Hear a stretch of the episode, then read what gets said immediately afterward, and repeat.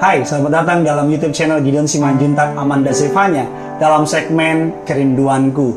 Tuhan memiliki kerinduan untuk saudara dan saya diperlengkapi. Sebelum saudara keluar dari rumah melakukan aktivitas apa pun, biar karya Roh Kudus mengingatkan saudara, menuntun saudara, meneguhkan saudara. Janji kasih setianya senantiasa tersedia dalam hidup saudara dan saya. Sebelum kita masuk dalam renungan ini, sama-sama tundukkan kepala kita. Kita mau berdoa. Bapa dalam surga dalam nama Tuhan Yesus, kami sadar kami hanya sekuat hubungan kami sama Tuhan. Kami sadar apa yang kami punya datang dan berasal dari Tuhan. Kami mau siapkan hati kami dengar firman Tuhan. Berbicara atas setiap kami, sebab kami tahu, kami percaya apa yang kami mulai dengan Tuhan akan kami akhiri dengan kemenangan. Pakai hambamu untuk boleh menjadi saluran berkat. Dalam nama Bapa, Putra, dan Roh Kudus. Dalam nama Tuhan Yesus. Setiap kita yang siap diberkati, sama-sama kita katakan, Amin. Keluarkan pulpen saudara, keluarkan catatan saudara. Kita akan belajar sebuah tema yang memberkati saya, cerdik seperti ular, tulus seperti merpati. Ya, cerdik seperti ular, tulus seperti merpati. Mungkin kalau saudara baca ayat ini, dua sifat ini adalah dua sifat yang sangat opposite. Tidak mungkin di satu sisi orangnya bisa seperti ular, tapi satu sisi orangnya tulus seperti merpati. Tetapi itu yang Alkitab katakan. Firman Allah mengatakan, Matius 10 ayat yang ke-16 mengatakan demikian. Lihat, aku mengutus kamu seperti domba ke tengah-tengah serigala.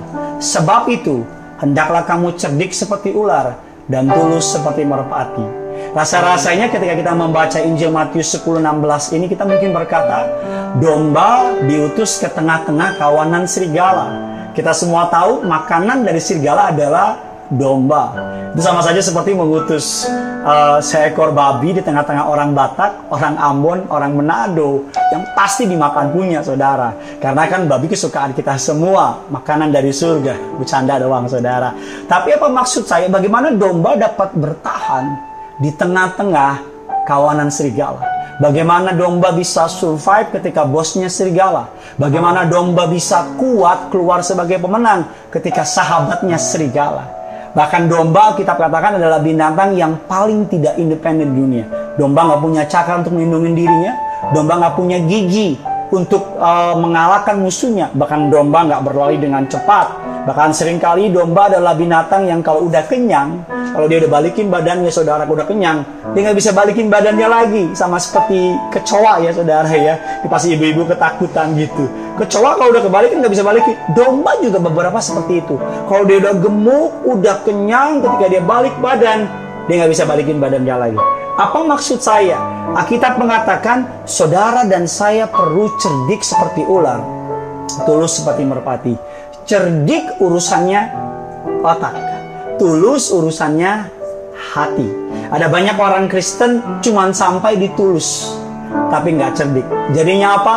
Ditipu, jadinya dibohongin, jadinya dimainin. Tapi banyak orang dunia cerdiknya minta ampun, tapi nggak tulus. Jadinya apa? Jahatin orang lain, tipu orang lain, take it for granted orang lain, bahkan ngambil keuntungan buat orang lain.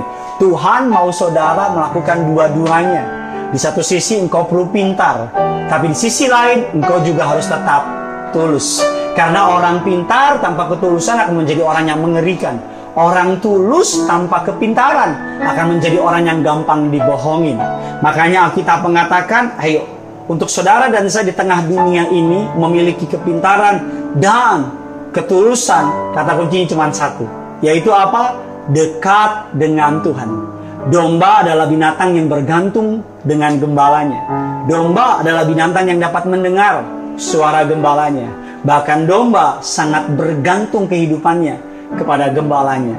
Hari ini di tengah-tengah engkau membutuhkan hikmat, jangan tanya ke dukun-dukun, jangan tanya ke rasi-rasi bintang, bahkan jangan tanya kepada kartu-kartu tarot. Tanya kepada Tuhan. Karena Tuhan sumber hikmat. Kalau saudara membutuhkan ketulusan, tanya sama Tuhan. Dia Allah yang tulus. Yesus tahu murid-muridnya akan meninggalkan dia. Yesus tahu Petrus akan menyangkal dia. Yesus tahu Yudas akan menjual dia. Tapi ketika Yesus bersama mereka yang meninggalkan, menyangkal dan menjual, Yesus tetap tulus sama mereka. Yesus tetap mengasihi mereka sekalipun kelihatannya Yesus dikecewakan oleh mereka. Tapi melalui ketulusan Yesus, Petrus dan murid-murid mengalami pertobatan. Saya percaya kalau Yudas juga gak gantung diri, Yudas juga akan mengalami pertobatan. Tetapi Alkitab menetapkan Yudas untuk mengalami kematian. Hari ini jangan mengikuti dunia, tapi ikuti Tuhan. Saya tahu ikut Tuhan bukan berarti bebas dari masalah. Bahkan orang percaya sekalipun tak bebas dari hambatan atau beban berat. Namun ingat, hal yang sama yang dihadapi oleh dunia. Dunia menghadapinya dengan kekuatannya sendiri. Tapi saudara dan saya orang percaya, kita punya pengharapan, kita punya kekuatan, kita punya jaminan bahwa yang kita sembah Yesus Kristus Tuhan adalah Allah yang setia. Ada upah kekal yang menanti kita. Waspada dalam hidup ini artinya cerdik. Dan tulus dalam hidup ini artinya mengandalkan Tuhan. Hikmat dari Tuhan akan menuntun saudara. Jangan pernah kehilangan pengharapan. Jangan pernah kehilangan iman saudara. Jadilah kuat, jadilah beriman, jadilah percaya yang punya surga sangat mengasihi saudara. Jangan lupa komen di bawah sini. Bahkan saudara yang belum subscribe, subscribe saudara. Klik loncengnya agar setiap perlindungan ini dibagikan, saudara dapat menonton renungan ini dan menjadi berkat bagi setiap saudara yang punya surga. Crazy love with you and with you. Bye bye.